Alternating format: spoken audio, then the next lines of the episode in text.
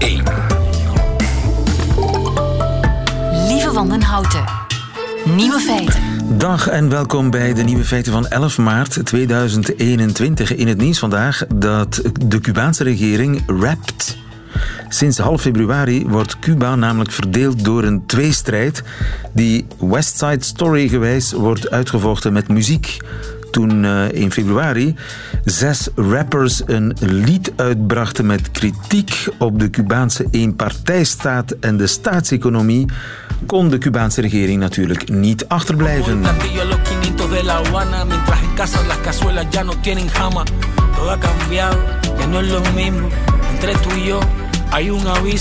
Publicidad, un paraíso, un varadero, mientras las madres lloran por sus hijos que se fueron. Zo klonk dus deze kritische rap. So you think you can rap, dachten ze bij de Cubaanse regering. En dus vroegen ze enkele regeringsgezinde artiesten om een tegenantwoord te formuleren. En dat klinkt dan weer zo.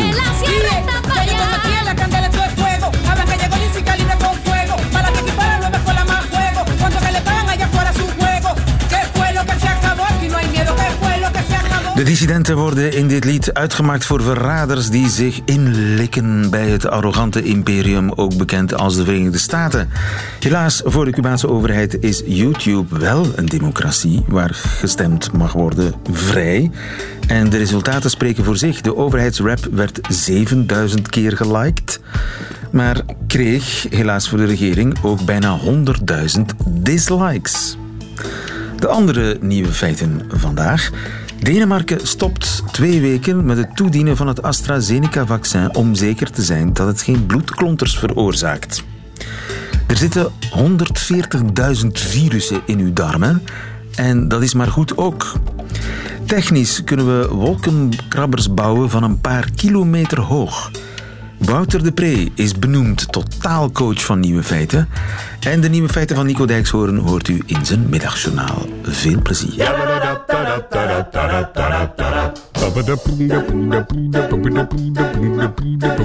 Nieuwe feiten. Denemarken stopt twee weken met het toedienen van het AstraZeneca-vaccin nadat er meerdere gevallen van bloedproppen waren gemeld. Er zouden ook een paar verdacht, of één, één verdacht overlijden zijn. Goedemiddag, Steven Callens. Goedemiddag. U bent eh, professor inwendige ziekten aan eh, de Universiteit van Gent, de UZ in Gent, Universitair Ziekenhuis. De Denen legden de boel stil om te kijken of er een verband kan zijn tussen het AstraZeneca-vaccin en bloedproppen. Dus ze zeggen niet dat er een verband is, ze willen zeker zijn dat er geen verband is. Zo zit het, hè? Ja, dat klopt. Hè. Men is uh, extra voorzichtig natuurlijk met nieuwe vaccins. En als er een signaal is, dan uh, neemt men dat ernstig. Het is trouwens niet de eerste keer dat een vaccinatiecampagne wordt stilgelegd. Ook in Noorwegen heeft men in januari, dacht ik, de campagne eventjes stilgelegd. En had dat ook met bijwerkingen te maken, of mogelijke bijwerkingen? Wel, nog erger. Daar uh, waren het eigenlijk een, een, dertigtal overlijdens die uh, men nader onderzocht heeft, of wat het niet te maken had, niet met uh, AstraZeneca-vaccin dan, maar met Pfizer-BioNTech. Wat later trouwens inderdaad gebleken is dat er geen relatie was tussen de vaccinatie en de overlijden. Dus dat was Noorwegen. Dat betekent in Scandinavië zijn ze extra voorzichtig. Van zodra er ook maar de geringste twijfel is over een mogelijk verband tussen uh, het vaccin en een, uh, ja, een overlijden of een, een, zeer ernstige bijwerking, dan wordt de boel gewoon stilgelegd en bekeken. Nu, ja, kan er een verband zijn? Is, is, doen, is dat eigenlijk logisch? Zou dat denkbaar zijn dat er een verband is tussen die bloedproppen en dat vaccin? Ja, het kan, maar misschien toch nog eventjes melden dat ook hier in België, als er een signaal zou zijn, men de vaccinatiecampagne ook zou stilleggen. Hè. Dus het, eh, het vak registreert alle bijwerkingen en uh, bekijkt die uh, op dagdagelijkse oh, basis. En dus wat er in Denemarken gebeurt, dat is geen signaal? Ehm, wat in Denemarken gebeurt is een, uh, is een signaal. Maar we gaan natuurlijk kijken naar zijn eigen cijfers in het, uh, in het eigen land. En er spelen natuurlijk een aantal factoren mee waarmee, wanneer je zo'n campagne gaat uh, stopzetten. De bijwerkingen die gemeld zijn in België hebben nog niks te maken met. Uh, ja, ja. maar, maar dus de, eerst moet er een bloedprop in België worden gemeld. En dan kan eventueel de zaak worden stilgelegd. Is, is, het, is het dat wat ik u hoor zeggen? Dat, dat zou een mogelijkheid kunnen zijn, maar het zou ook kunnen zijn dat Denemarken dit meldt aan het EMA, dus het Europees agentschap, en dat het Europees agentschap dan de uh, landen gaat informeren en dat het toch vooralsnog wordt stilgelegd. Maar op basis van één overlijden zou me dat wat straf lijken. Ja, dus op dit ogenblik is er geen reden om ook bij ons de vaccinaties met AstraZeneca stil te leggen. Wat er in Denemarken gebeurt, dat heeft misschien iets Deens. Zou het te maken kunnen hebben met een, een, lot, dat is ook wel gezegd, hè, dat er een bepaald lot, niet geleverd aan België, wel aan Denemarken, dat daar uh, wat problemen mee zouden kunnen zijn? Ja, dat zou kunnen. Uh, maar een paar dagen geleden is het uh, gebruik van dat lot uh, stopgezet in, in de 17 Europese landen waar het geleverd is. En dat is dan een voorbeeld hè, waar dat er dan toch een, een pan-Europese ehm, ehm, besluit genomen wordt.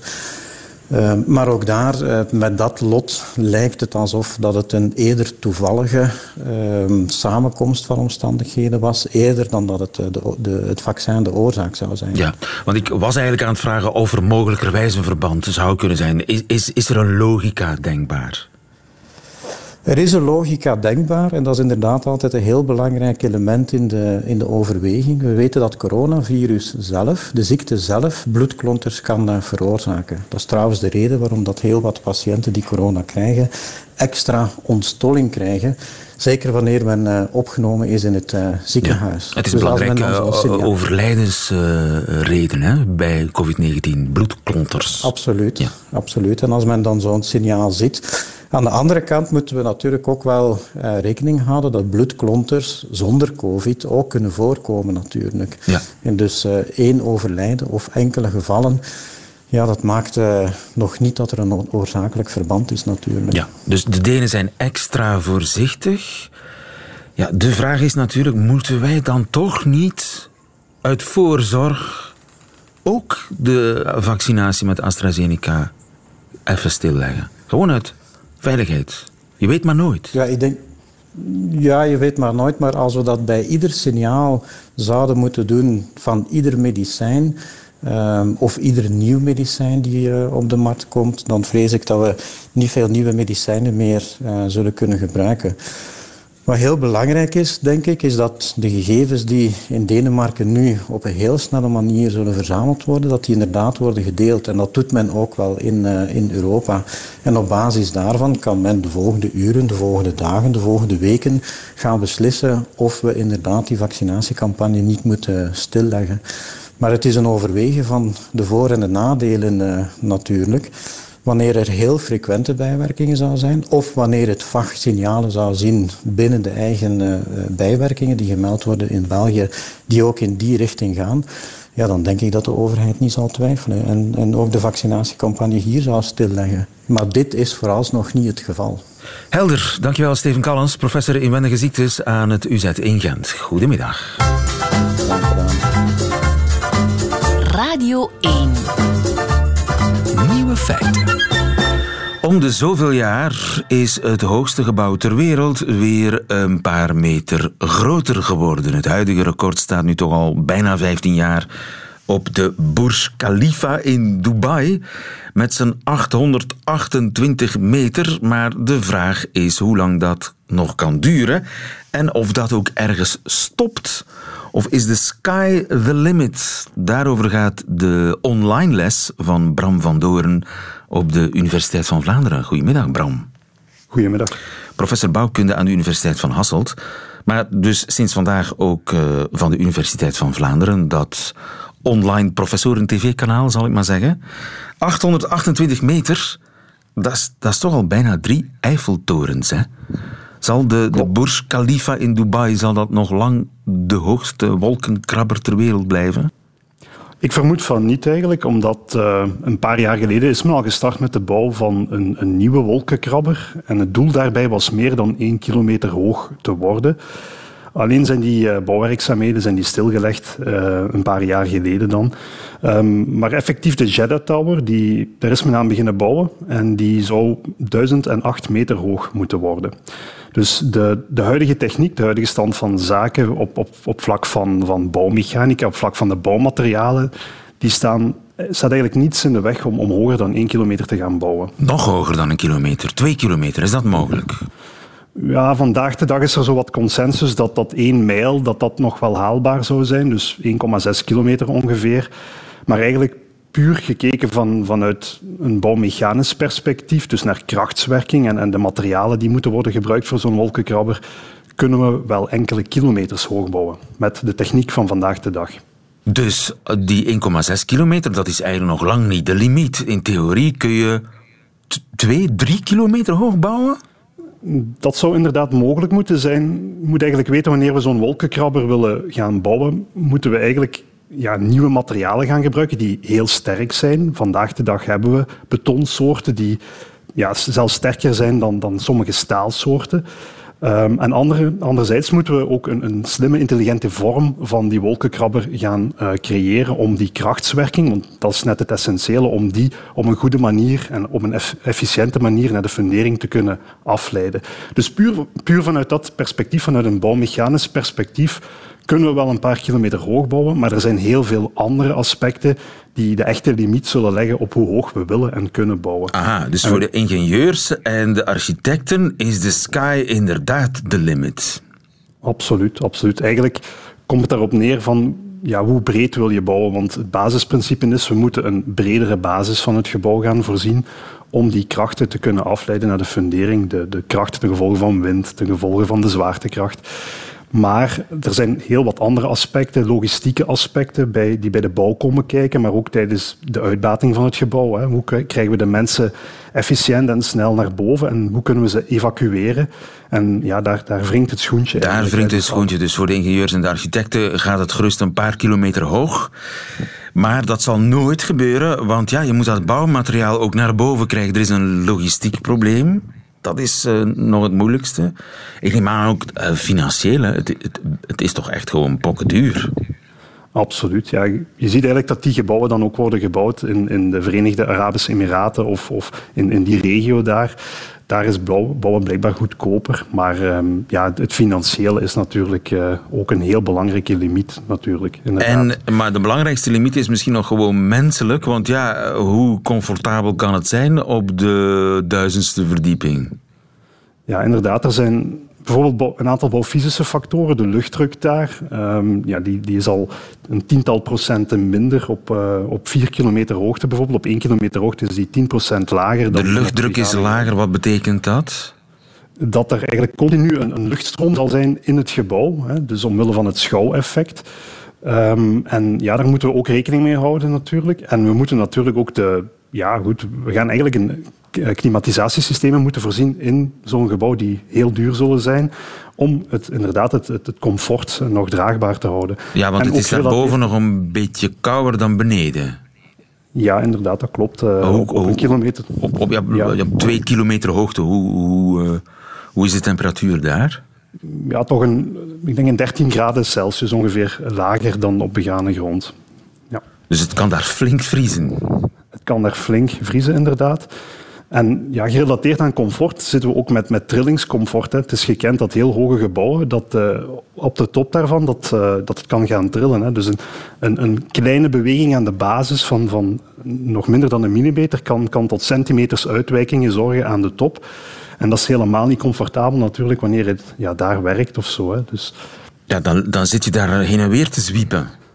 Absoluut. Letterlijk, en je voelt dat ook ja, je voelt dat ook en, en je kunt daar misselijk van worden. En dat is effectief een component waar we rekening mee moeten houden bij, bij het ontwerp van zo'n gebouw. Zo'n gebouw moet ook voldoende stijf zijn. Hè. Ja, en de ijle lucht daar, kun je daar iets aan doen?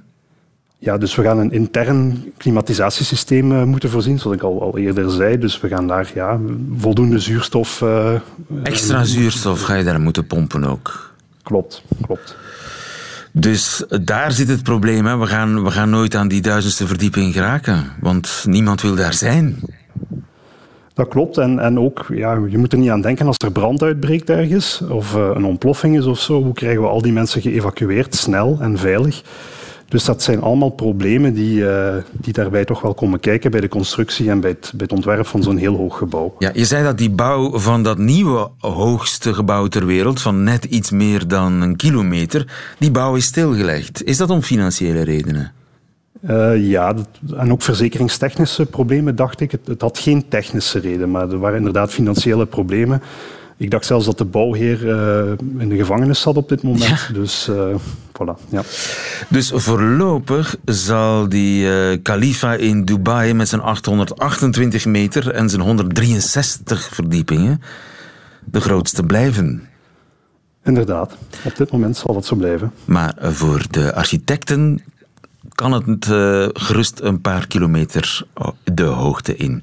Meer details op de Universiteit van Vlaanderen, dankjewel. Bram van Doren, goedemiddag. Goedemiddag. Nieuwe feiten. Er zitten virussen in uw darmen en enig idee hoeveel? Ik zal het u zeggen, schrik niet, 140.000. Dat blijkt uit nieuw Brits onderzoek. Rob Lavigne, goedemiddag. Goedemiddag. Je bent een moleculair uh, microbioloog van de Universiteit van uh, Leuven. Schrikt u daarvan, van 140.000 virussen in uw buik? Nee, helemaal niet. Helemaal niet. Het is inderdaad een grote studie.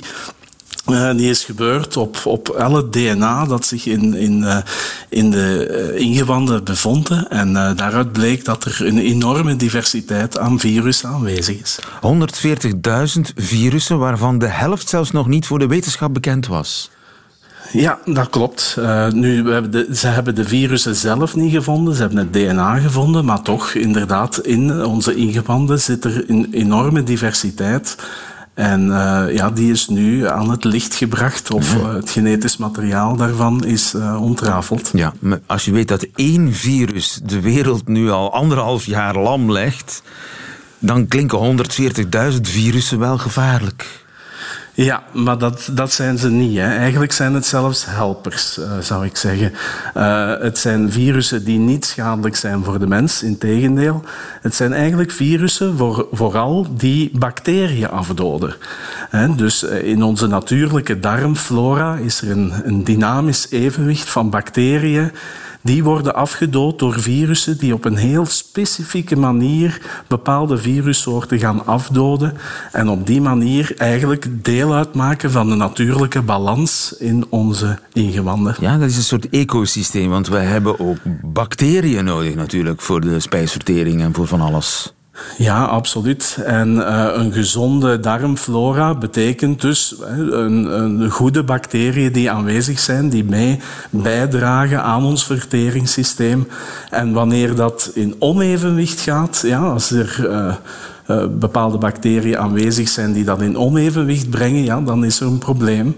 Maar dus uh, bacteriofagen die aanwezig zijn, hè, dus die bacteriële virussen, die houden dat mee allemaal in evenwicht. Het zijn virussen die zich speciaal richten op bacteriën en we hebben ze nodig, die virussen, als er een, een, ja, een, een teveel is van een bepaald soort bacterie in onze ja, darm. Ja, het is eigenlijk een, een natuurlijk evenwicht dat, dat moet hersteld worden. En uh, daar wordt natuurlijk ook gekeken naar, naar mogelijkheden om, om dat te gaan gebruiken om eigenlijk uh, die, die goede bacteriën uh, in ons darmsysteem te gaan reguleren en daar een, een goed evenwicht te behouden. Ja. Dus een soort natuurlijk evenwichtsherstel. Kunnen we daar ook natuurlijke antibiotica van maken? Ja, daar, uh, dat is eigenlijk deel van, van ons onderzoek. We willen eigenlijk leren hoe dat, uh, die virussen bacteriën afdoden en daarop geïnspireerd uh, nieuwe antimicrobiële middelen gaan maken. Dus geen middelen om, om slechte virussen te bestrijden, maar wel middelen om slechte bacteriën te bestrijden. En op die manier ja, mee te helpen aan antibioticumresistentie en zo die opduikt. Ja, Dus we kunnen die virussen als bondgenoot gebruiken in de strijd tegen bacteriën. En er zijn bacteriën die al uh, ja, resistent zijn aan antibiotica. Uh, dus een, een totaal nieuw soort antibiotica kunnen we daaruit puren misschien wel. Ja, ja, en verschillende soorten. We kunnen die bacteriofagen zelf gaan gebruiken of bepaalde componenten uh, die, die, die die bacteriële virussen gebruiken om de bacterie af te doden. Ja. ja. En antibiotica die richten zich op een heleboel, want als je, als je antibiotica slikt, dan is je darmflora naar de knoppen. Uh, Dit, dit, dit zou een veel specifieker antibiotica kunnen zijn. Zeker. Hè? Dus een antibioticum is eigenlijk letterlijk een stok in de wielen, een klein chemisch molecuul dat het metabolisme van de bacterie platlegt. Uh, die bacteriofagen, die, en, en dat doet het voor heel veel uh, bacteriesoorten vaak, die bacteriofagen zijn heel specifiek. Hè. Je kan het vergelijken met een sluipschutter uh, ten opzichte van een antibioticum dat eigenlijk gewoon een bombardement is. ja. Dus dat maakt het eigenlijk veel preciezer als medicijn, maar misschien juist wel moeilijker te hanteren, want dan moet je heel goed weten welke bacteriën je moet uh, Absoluut, viseren. dat is het nadeel. daarom zullen, zullen die bacteriële virussen nooit antibiotica gaan vervangen, maar zijn ze wel een nuttig complement. Als we weten bij een bepaalde patiënt met een chronische infectie die levensbedreigend is, uh, of, of toch op lange termijn meehelpt, dan kunnen we gaan kijken, oké, zijn daar bacteriofagen die specifiek kunnen helpen en zo uh, de patiënt redden? Ja, en dan heb je keuze tussen 140.000. Uh, ja, ongeveer. Maar, uh, we, we, we, richten ons natuurlijk op uh, die bacteriële virussen, die vagen, die specifiek de belangrijkste antibioticumresistente bacteriën gaan afdoden. Dat is goed nieuws, toch? Rob Lavigne, dankjewel. Goedemiddag. Prima, dankjewel.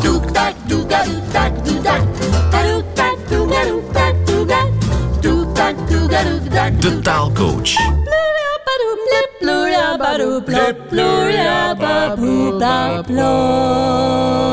Wouter de Pre. Vanaf vandaag is Wouter de Pre de taalcoach van Nieuwe Feiten. Goedemiddag, Wouter. Goedemiddag, lieve. Wouter, wat is jouw taak als Nieuwe Feiten taalcoach? Gefeliciteerd ja. overigens. Dank u. Het is een hele eer om dit, uh, om dit te mogen doen. Een prachtige benoeming. En uh, mijn taak is eigenlijk om mijn oren en mijn ogen open te houden.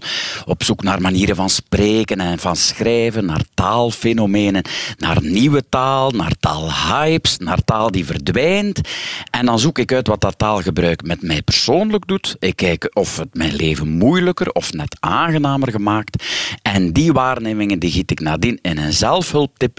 En die deel ik op nieuwe feiten graag met het ganse Vlaamse volk. Uh, zelfhulptips die tegelijkertijd taaltips zijn. Wouter, ik kan nauwelijks wachten. Wat is vandaag je tip? Mijn eerste tip is: ben je somber? Surf dan naar een IMO-website. Weet je dat zeker, Wouter? Ja. Ik, ik zat met een somberheid, lieve. En misschien is het door veel binnen te zitten, door veel thuis te zijn. Maar ik zag plots alleen maar negatieve kanten aan ons huis. Het is koud in ons huis. Er zijn plaatsen waar binnen druppelt. We hebben een vensterbank op de gang en daar groeien champignons onder. Het tocht in onze keukenkast. We wonen langs een veel te drukke straat waar gereest wordt en waar zwerfvuil wordt gedropt. Mm -hmm. Er smeet verleden week iemand een gebruikte injectienaald overheining op onze oprit. Onze tuin is niet onderhouden en als het twee keer regent, dan is het allemaal verzopen blubber. Ik begrijp het. Het klinkt uh, een beetje triestig inderdaad, maar hoe ga je dat oplossen? Ja, ik, ik, dacht door te ontsnappen, door weg te lopen van ons huis. Het was geen bewust plan, maar ik merkte toch dat ik al een avond of drie na elkaar op emo-websites zat. En ik had al half in slaap op een advertentie geklikt voor een huis in Gent. Dat hadden ze toch beloofd. En dat huis was echt spuuglelijk. En dan heb ik het ook nog een keer over lelijke spugen. Ja, eh, dus dat heb jij meteen weggeklikt, veronderstel ik. Dat is het net. Ik ben in die advertentie getrokken en ik denk dat dat kwam door het overdreven positieve taalgebruik van het IMO-kantoor. Vertel. Ze zeiden niet dat het huis lelijk was. Nee, het had specifieke mooie, karaktervolle elementen. Aha. En het moest inderdaad wel gerenoveerd worden, zei de site, maar het kon worden omgetoverd tot een trendy, stijlvol woonhuis. Ja, maar dat is toch boerenbedrog eigenlijk, hè? Eh, waarschijnlijk wel, maar het werkte wel. Ik begon dat huis zelf ook zo te bekijken. Ik zag dat huis eh, na de renovatie voor mij. En inderdaad, zoals dat de IMO het voorspiegelde, het zou een riant open woongevoel krijgen in een sublieme, hartveroverende omgeving. Ja, en die omgeving, dat was dus de stad, Gent. Eh, nee, dat huis lag ook helemaal niet in Gent, zoals beloofd, maar het lag in het meest afgelegen hoekje van Locristi. In West-Vlaanderen zeiden wij vroeger het hol van Pluto en daar lag het. Maar dat was ook geen probleem, zei de IMO, want alles was immers vlot bereikbaar. Mhm. En dat hol van Pluto had ook voordelen, want je kon kijken zover je ogen reikten, met op het einde van de tuin je prachtige paarden. Aha. Als je daar gaat wonen, dan word je automatisch een hippofiel en je schaft u dadelijk uw lievelingsdieren aan. En uw tuin is zo gigantisch groot dat je een verrekijker moet kopen om te zien of dat er nu een haas is of een Arabische volbloed daar in de verte. Ja, ik begin het te snappen. De droom begon vorm te krijgen. Het huis zelf, was dat ook zo gigantisch groot? Het huis was gigantisch groot en gigantisch verkrot. En naast dat groot krot stond er nog een groot krot. Met een dak van afbrokkelende asbest. En, maar ook die vreselijke staat van dakkot was voor de IMO geen reden tot bezorgdheid voor de volksgezondheid. Nee, daar konden workshops gegeven worden, yogalessen. Het kon een muziekstudio worden en onderdak bieden aan seminaries.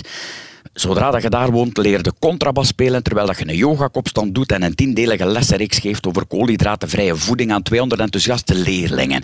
En die zijn makkelijk op uw vlot bereikbare trendy, stijlvolle woning geraakt. Het is gewoon links afslaan aan de kudde raspaarden en dan nog twee kilometer door. Ja, ik hoor het. Je hebt het gekocht, Wouter. Het scheelde geen haar. Het scheelde echt geen haar. En eh, ik heb nog net op tijd heb ik gedacht, wacht, als ik nu mijn eigen huis misschien ook zou kunnen bekijken met die eh, uitzinnig optimistische ogen van het IMO-kantoor. En toen gebeurde er een mirakel, lieven. Oké. De drukke straat was plots geen drukke straat meer, maar die maakte mijn huis populair en goed bereikbaar. De drugsnaald op de oprit die wees op een buurt met veel recreatiemogelijkheden. De champignons in de gang waren plots een binnenmoestuin. Eh, de tocht die we voelen in onze keukenkast was een actieve ventilatie van de levensmiddelen. Eh, zwerfvuil was er niet meer, dat waren dichtbij mini-containerparkjes. Het binnendruppelen in de spouwmuur was een al aangelegde goed à goed voor de nog te installeren groengevel. En mijn modderige tuin bood mogelijkheden tot aanleg van een ecologische zwemwijver of misschien zelfs een wellness-kleibad. Maar ja, natuurlijk. Lieven, ik ben helemaal veranderd dankzij die IMO-website.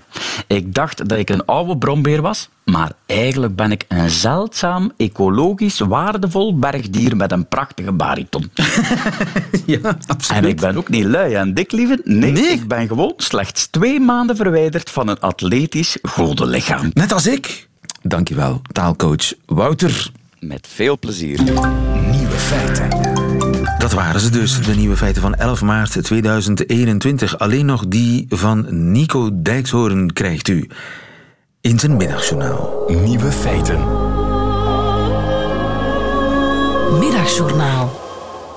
Beste luisteraar, ik weet niet precies waarom het is, maar mijn moeder verschijnt deze week in bijna ieder stukje dat ik schrijf.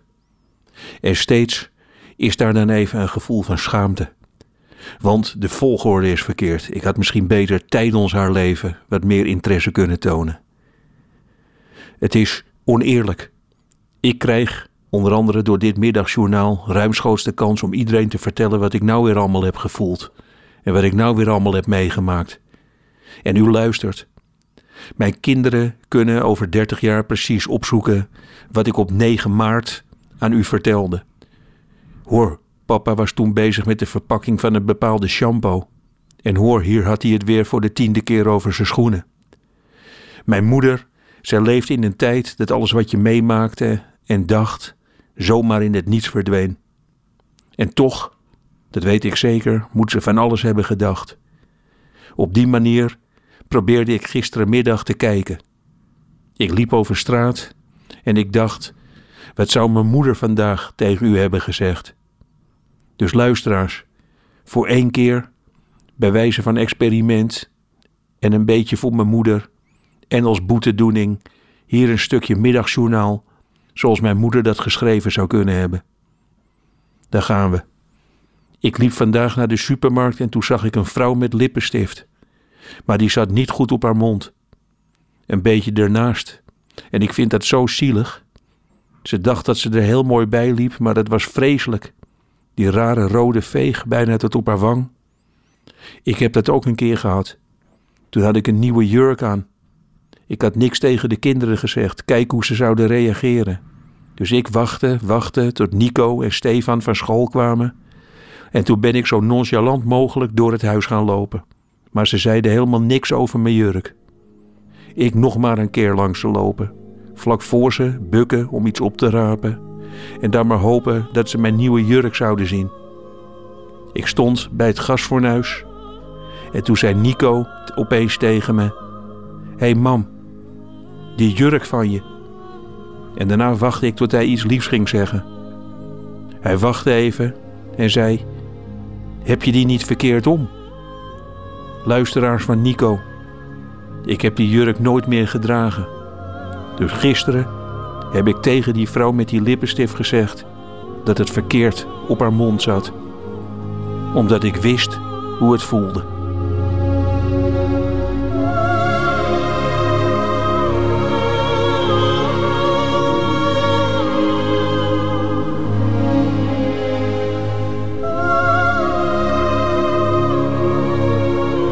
Berouw komt meestal na de zonde. Nico Dijkshoorn in het Middagjournaal. Einde van deze podcast.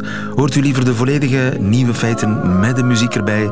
Dat kan natuurlijk via radio1.be of via de Radio 1-app. Daar vindt u overigens nog veel meer boeiende podcasts. Tot een volgende keer.